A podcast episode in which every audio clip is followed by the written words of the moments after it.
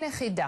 איך קורה שבשוק שבו יש ארבעה מותגים של תחליפי חלב לתינוקות ועשרות אלפי צרכנים, המחירים נשארים גבוהים תמיד והתחרות לא קיימת? המדינה מנסה כבר שנים לתקן את המצב ללא הצלחה, והשוואת מחירים ברשתות השיווק והפאר ממחישה את המצב הבעייתי. היי, אתם על פרק חדש של מלכוד 99. מירב דוד, סמנכ"לית הלובי, עומדת לצאת בקרוב מאוד לחופשת לידה.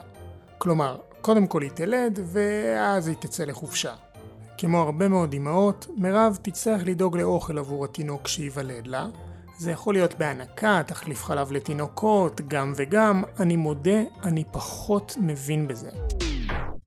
מסתבך, כרמל? מה אתה מסתבך? כן, התוכנית שלי היא באמת להעניק, בדיוק אה, דיברתי על זה, אבל אם מישהו ניסיתי להסביר לו למה זה לא תמיד עובד, הסיפור הזה עם הנקה. א', כי יש נשים שזה באמת לא מצליח להם, וב', כי יש נשים שפשוט חוזרות לעבודה ומהר, כאילו חופשת לידה זה בכל זאת אה, שלושה וחצי חודשים.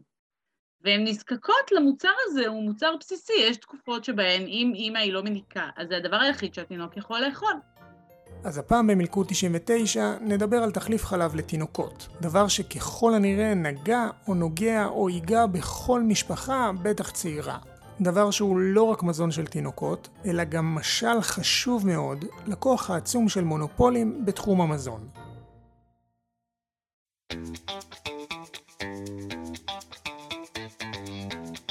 מלכוד 99, הון, שלטון ומה שביניהם. מירב, מגיע לך מזל טוב. את uh, בקרוב, כן, טפו טפו טפו, אנחנו לא נפתח פה, אבל עומדת להיות שוב פעם אימא לעולל חדש. אכן, כן. תודה.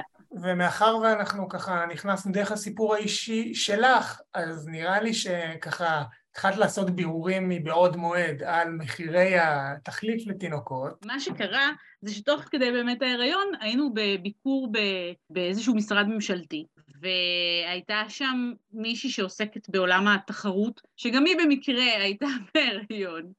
ו- ואז, ואז התחלנו לדבר על המוצר הזה ולנסות לנתח את הסיטואציה של אה, למה, למה פתאום אוסם, שהיא בעלת אה, המותג מטרנה, שהוא מונופול, התחילה להביא לארץ גם את המוצרים של נאן, שהם מוצרים של נסטלה, שמחזיקה בעצם באוסם ב-100%. והאם זה הגיוני כי בעצם לכאורה נוסף שחקן בתחום התמ"ל, אבל רק לכאורה, יש שלושה שחקנים, גדלנו לארבעה, אבל שניים מהשחקנים שייכים לאוסם. ו- והסיפור הזה התברר כמעניין, כי אוסם כשהיא קיבלה את האישור לרכוש את מטרנה, מטרנה לא צמחה באופן טבעי בתוך אוסם. אוסם רכשה אותה, היא קיבלה אישור מרשות התחרות לרכוש אותה. ובעצם בשיחה הבנו שהמיזוג הזה היה בעייתי, כי התברר לנו שאוסם התחייבה, מה זה התחייבה? היא אמרה, אני לא יכולה להביא את המוצרים של נסטלה, זה לא שיש לי ברירה, ולכן תאשרו לי לרכוש את מטרנה. רק שהסתבר שמה שאוסם אמרה, לא יודעת אם הוא, אם הוא לא היה נכון אז, יכול להיות אה, שהוא היה נכון אז, אבל הוא בוודאי לא נכון היום. יש לי אה, אה, יסוד סביר לחשוד שגם אז, כשאושר המיזוג, לאוסם הייתה אופציה להביא את נאן, את המוצר של נסטלה, אבל היא פשוט לא רצתה, כי מנכ"ל אוסם דהיום אומר אה, לפני אה, כשנתיים, לפני, ש... לפני שהם הביאו את נאן, הוא אומר בריאיון, אנחנו היינו אחרי פרשת רמדיה, הפרשה הטראגית שבה ילדים שצרכו את המוצר של רמדיה אה, חלו ונפטרו. מדובר בלי ספק באחת מפרשות הרשלנות החמורות שהיו כאן. בסוף אוקטובר 2003 הגיעו 26 תינוקות חולים מאוד לבתי החולים. שלושה מתו. המשטרה פתחה מיד בחקירה. בעלי חברת רמדיה ובכירים בהנהלת החברה נעצרו ונחקרו. וידענו שיהיה לנו מאוד קשה להכניס מותג חדש של תמ"ל לשוק. לכן לא רצינו לעשות את זה, ולא רצינו להביא את המותג של, של נסטלה, והעדפנו לרכוש מותג מוביל, שזה שם קוד למונופול. והם רכשו את מטרנה, שהיא ממש מונופול, או על סיפו של מונופול, כ-50% מהשוק. וכך הם בעצם עד היום שולטים על שוק התמ"ל. ועכשיו הם רוצים עוד. אז בעצם, אם אנחנו מסכמים את זה, לפני עשור אוסם מבקשת את האישור ומקבלת את האישור מרשות התחרות. נכון. ובתנאי שהיא לא משווקת גם וגם. זה בדיוק העניין, שאפילו לא היה תנאי כתוב בתנאי המיזוג בתחום הזה, היה תנאי בתחום הדייסות, אבל לא היה תנאי בתחום התחליף מזון לתינוקות, כי אוסם אומרת לרשות התחרות, אין לי שום יכולת להביא את התמ"ל, הכשרות לא תאפשר לי. תבינו, זה בכלל לא הגיע לכדי הסכם כתוב. אוסם פשוט הצהירה בפני רשות התחרות שהיא לא יכולה לגייר את נאן, ולכן היא גם לא תייבא אותה. אבל איך אומרים, הזמן חלף לו, ובשנה האחרונה אנחנו מתחילים לראות שחקן חדש על המדף הישראלי. דבר מדהים מתחיל במומחיות של נאן סופרים. מותג תרכובת מזון התינוקות מומלץ על ידי רופאי הילדים בעולם, סוף סוף גם כאן. נאן סופרים.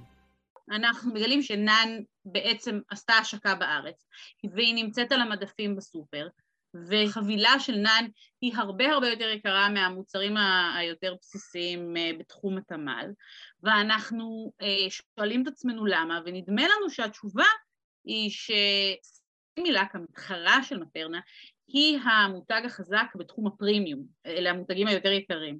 ומטרנה רוצה להילחם בסימילק בתחום הפרימיום. יש לו מוצרי פרימיום, אבל היא לא מצליחה כנראה לצבור אה, נתחי שוק מספיק גדולים לטעמה.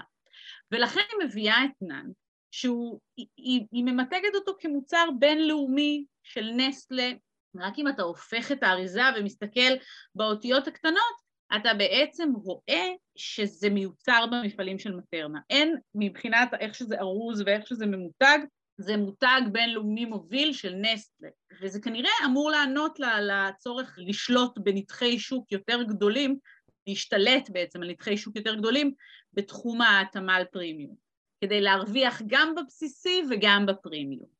למעשה אין פה יבואן אחר שמייבא את נאן ומתחרה באוסם, הרי זה לא הגיוני. אוסם היא בבעלות נסטלה העולמית שמייצרת את נאן, וזוכרים את בעיית הגיור שדיברנו עליה קודם? אז נמצא לה פתרון. במקום לייבא את נאן שמיוצר בחו"ל ללא פיקוח, אוסם של נסטלה פשוט מייצרת אותו פה בארץ. ולמקרה שטעיתם, ממש באותו מפעל שהיא מייצרת את מטרנה. ועכשיו, ספירת מלאי. יש לנו את מטרנה ויש לנו את נאן, שזה תכלס כמעט אותו דבר, יש לנו את סימילק המתחרה הוותיקה, ויש לנו את נוטרילון. הם השחקן החדש לכאורה, שלפני אה, אה, כמה שנים, לא מעט שנים, הצליח, הצליח להחדיר מותג תמה לישראל למרות פרשת אה, רמדיה. וזה מה שבעצם מבהיר לאוסם שהיא יכולה לעשות גם וגם עכשיו. אז בעצם שלושה שחקנים, זה עדיין שוק מאוד מאוד קטן, שמאפשר בעצם לשליטה במחירים, אנחנו מכירים את זה מהרבה סקטורים אחרים שאנחנו עוסקים בהם ביום יום בלובי. מה בעצם קורה? המחירים ממש גבוהים יותר ממה שאנחנו מכירים בעולם? כן, כן, מבדיקה שאנחנו עשינו ספציפית על נאן, אז 100 אה, גרם של נאן בסופר פארם אה, יעלה אה, מעט יותר מ-13 שקלים ל-100 גרם, לעומת סביב התשעה שקלים גם באנגליה וגם באוסטרליה וגם באיטליה. אז תכפיל את זה כמובן בערך בשבע, כי החבילות הן של 700 גרם.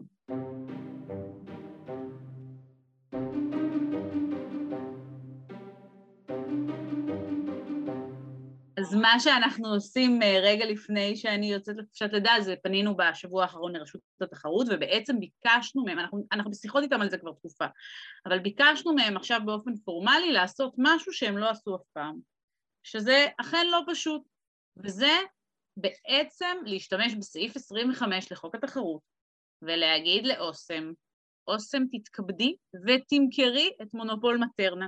ותמכרי בשוק את המוצר המצוין, אני בטוחה שלך נאן, ושמישהו אחר ימכור את מטרנה כדי להגביר את התחרות בשוק התמ"ל.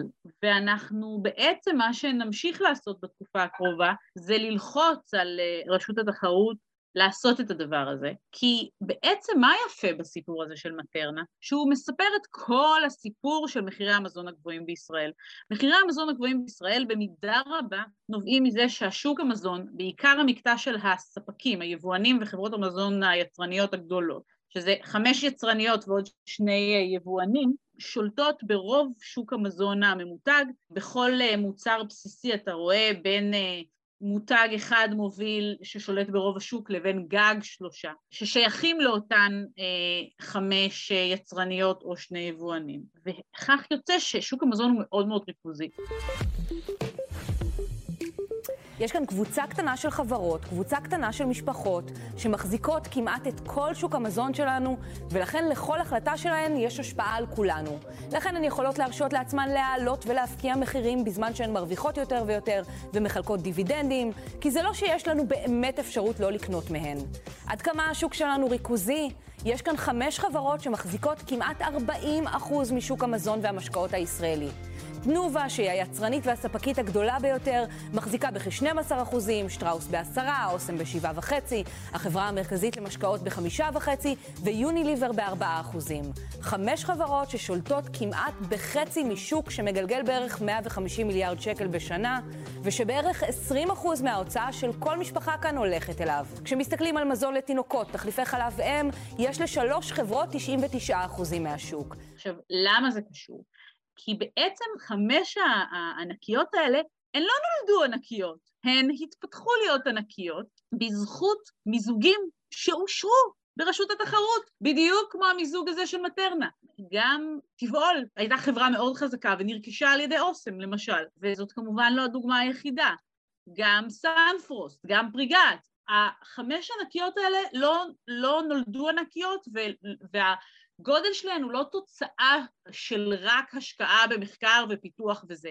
לא, הם פשוט רכשו מותגים חזקים. שטראוס הרי זה לא רק שטראוס, זה שטראוס עילית. אז הם רכשו מותגים חזקים, רכשו חברות טובות מאוד, והפחיתו את התחרות בשוק המזון, כי כשאתה בא לקמעונאי ויש לך כל כך הרבה מותגים חזקים, אתה מצליח להוציא אחלה מחירים ולשמור את מחירי המזון בישראל גבוהים. אז אנחנו בעצם באים ואומרים שאותן ענקיות, מפלצות, תמנוני אה, ענק בשוק המזון, כי בסוף אנחנו מדובר פה בעוד מוצר מזון, הן בעצם התרחבו על גבי חברות קטנות ובינוניות שהן קנו, ואנחנו אומרים במקרה הזה לאוסם, אוסם, את צריכה למכור את זה. אנחנו מבינים את הקושי, אנחנו מבינים את כל המשמעויות, אבל הפתרון היחידי שיאפשר תחרות בריאה בשוק זה בעצם למכור את מטרנה ולחזק מצד שני את המכירות של דן. זה בעצם שיהיו עוד שחקנים, אבל מה הבעיה? שזה שוק עם חסמי כניסה מאוד מאוד משמעותיים, גם ידע, גם טכנולוגיה, גם אמינות, זה שוק שמאוד קשה להיכנס אליו. אם איזשהו יצרן בינוני יקנה את מטרנה מאוסם, אז אנחנו אולי נראה ניצנים של התחלה של תחרות בשוק התמ"ל. זה יהיה לא ניצנים, זה תסריט שהוא... הסיכוי שלו הוא, הוא, הוא לא מאוד גבוה, כי זה דורש מרשות התחרות לעשות משהו שהיא לא עשתה מעולם, אבל בוודאי שאם יהיה עוד שחקן, כמו מטרנה, שהוא שחקן נפרד מאוסם בשוק המזון, ואוסם גדלה עם, עם המותג שלה, מותג נאן, שהוא מותג גם של מותג בינלאומי מוביל, אז ברור שהתחרות בשוק המזון תגדל. זה תלוי ברשות התחרות. רשות התחרות, אחרי הרבה מאוד שיחות איתה ופנייה אליה באופן פורמלי בכתב, אומרת בימים האחרונים, אני פותחת בבדיקה של שוק התמ"ל, של שוק התחליף מזון לתינוקות. עכשיו פרסום ראשון, רשות התחרות פתחה בבדיקה על הריכוזיות בשוק תחליפי החלב לתינוקות, ריכוזיות שגורמת לכך שהמחירים בארץ גבוהים מאוד יחסית לעולם. גל חן כתבנו, במה מתמקדים בבדיקה הזאת? אז זה באמת מוצר שאין לו תחליף בהמון מקרים, קרן, כמו שאמרת, באירופה הוא הרבה יותר זול מבישראל. וזה ענף ששולטות בו כמה שחקניות גדולות, משמעותיות, ותחרות על הכיס של האימהות הצעירות. אפשר לומר שאין כאן בישראל. האבות. גם של האבות. אין כאן בישראל. הערב אנחנו יכולים לספר שברשות התחרות פתחו בבדיקה בשבועות האחרונים על הריכוזיות בשוק התמ"ל. להבנתי, אחת הסוגיות המרכזיות שם זה המיזוג של נסטלה אה, ואוסם עוד ב-2009, אחת מהסוגיות שנבחנות. כשאישרו להם את המיזוג, הם אמרו לרשות התחרות, אין כאן בעיה של פגיעה בתחרות, כי אנחנו במילא לא נביא את נאן לארץ בגלל ענייני כשרות. הפלא ופלא, שנת 2021, למעלה מעשור אחרי, הם כן משווקים אתנן בארץ, הם התחילו להביא אותו לכאן בכל זאת, לכאורה בניגוד להבטחות המקוריות, ואולי תוך אה, הפרת ההבטחות, וכמובן אולי פגיעה בתחרות. בכל אופן, בואי נראה מה אומרים לנו על זה בלובי 99, הלובי הציבורי. אנחנו מאוד מקווים שהבדיקה הזאת תוביל למהלכים אה, משני סדרי עולם בתחום הזה, כי זה באמת מוצר מאוד מאוד מאוד רגיש. אנחנו רואים אה, בתקופה האחרונה תמונות של איך מוכרים אותו רק בקופה הראשית בסופר. זה לא סתם, כי זה מוצר שפשוט גונבים אותו. נשים עניות שאין להן ברירה, לא יכולות להעניק ואין להן שום דבר אחר לתת לילד, יש מקרים של גניבת תמ"לים. אה, רק לפני שבוע, אגב, הראינו שבחלק מהרשתות העבירו את הצנצנות אה, של התמ"לים ליד הקופות בארונות נעולים. ולכן הסופרמרקטים פשוט שמים את זה בקופה הראשית. וזה מוצר שהוא כל כך רגיש, שאני מאוד מקווה שרשות התחרות אה, תגלה פה את האומץ הנדרש ותסיים את הבדיקה בזה שהיא עושה מהלכים אה, יוצאי דופן ותקדימיים בתחום הגברת התחרות בשוק הזה. אוקיי, okay, אז נחזיק אצבעות שזה יקרה. אני מאמין שכהרגלנו בלובי אנחנו לא רק מחזיקים אצבעות, אלא משתמשים בהן כדי לכתוב מכתבים ולדחוף את הרגולטורים לעשות את המעשה הנכון. אה, אז אנחנו נהיה שם וגם נמשיך לעדכן. אה, ונאחל לך גם אה, שתנוחי קצת וש... מה הסיכוי שזה יקרה, שאני אנוח בחופשת הלידה? זה גם, זה גם ביטוי לא נכון חופשת לידה, זה לא באמת כזה חוק. כרמל, אתה עוד תגלה את זה. כן, יום יבוא וגם אני אגלה את זה.